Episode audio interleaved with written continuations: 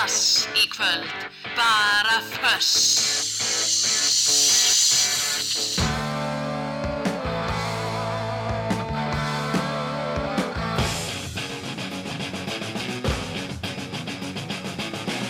Þetta er föss. Það á að vera hátt.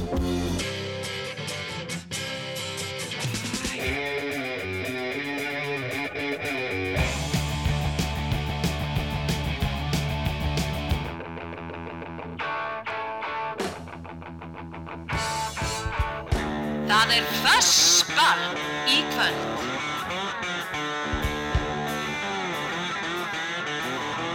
Jæja, það er Kalli sem að hilsar ykkur aftur í fössinu hérna á Rás 2 þjóðin líklegast í sárum eftir leik kvöldsin sem að já, þennilega hefði ekki getað farið verð en við verðum bara að reyna að hrista það af okkur. Og það er engin betri staðar til þess að gera það en í fössinu á Rás 2 á föstudags kvöldi Ég ætla bara að keira upp stuðið og reyna að gleyma sem fyrst úrslutum kvöldsins En fyrsta lag setni hluta þessa þáttar er samað hennum eina sanna Jimi Hendrix og spila að Jimi Hendrix Experience. Lagi heitir Crosstown Traffic og kom út á þriðu blötu söturinnar Electric Ladyland árið 1968. Var annar singull blötunur á eftir Bob Dylan ábyrðinni All Along the Watts Tower.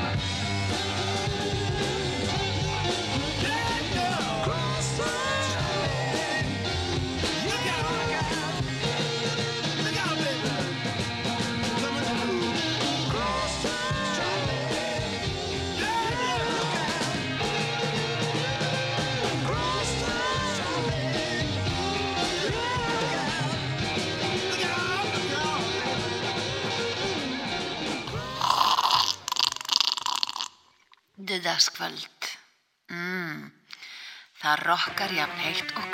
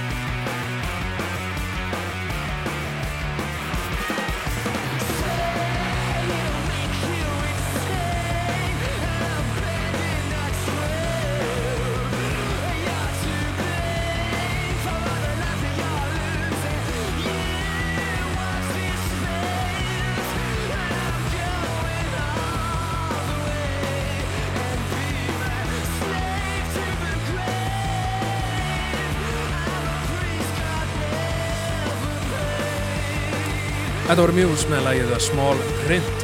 11. lagið á plötunni Absolution sem var þriða plata Muse og kom út ára 2003 og helli platan hafi ekki komið sveitinu svona í fremstu röð og jók vinsaldir þeirra til muna en það voru singlanir á plötunni meðal annars Stockholm Syndrome Time's Running Out, Hysteria og Sing for Absolution.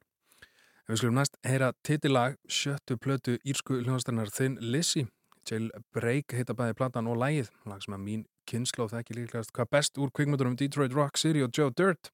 En við skulum heyra í þinn Lizzy með lægið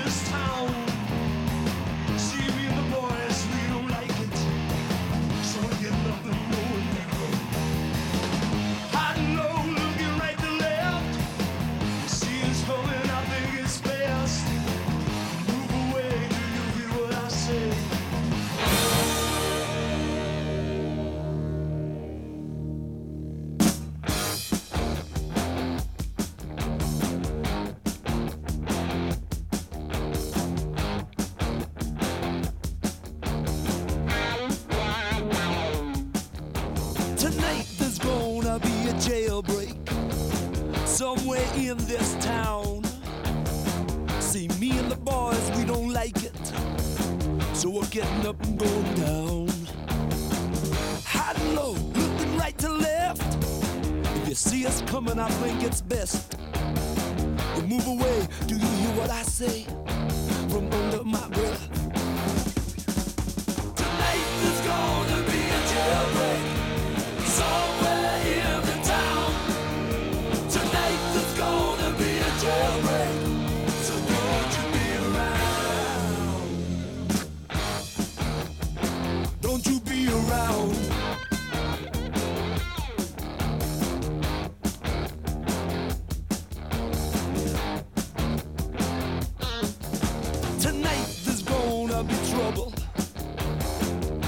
Jailbreak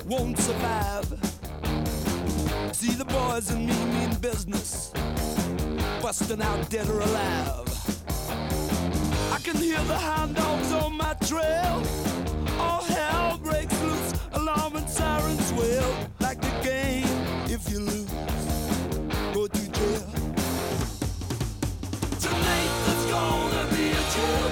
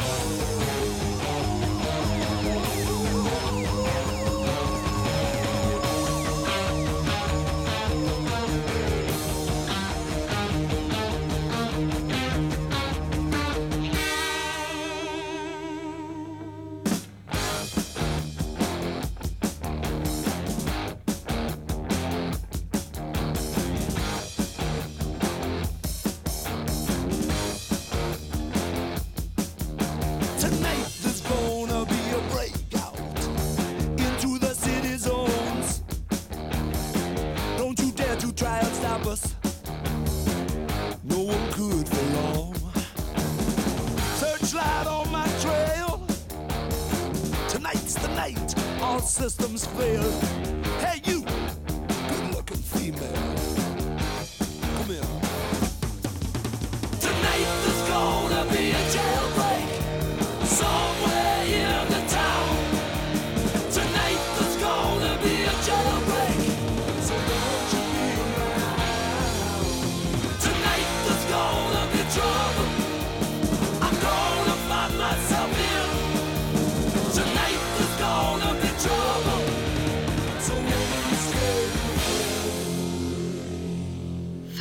Er best.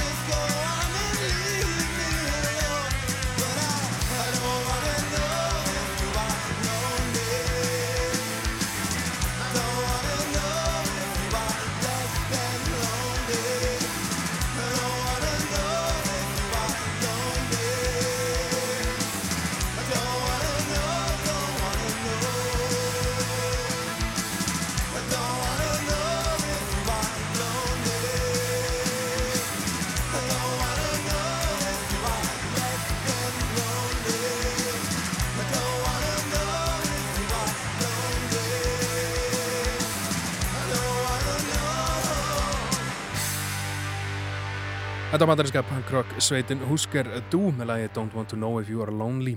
Hljómsveit sem, að- hljómsveit sem að hafði gríðal áhrif á punkrock, bylgjuna sem að blómstræði bandaríkjunum á tíundu áratug síðustu aldar. Frontmennið Áspring, Green Day og fleiri hafa nefnt þá sem mikla áhrif að valda.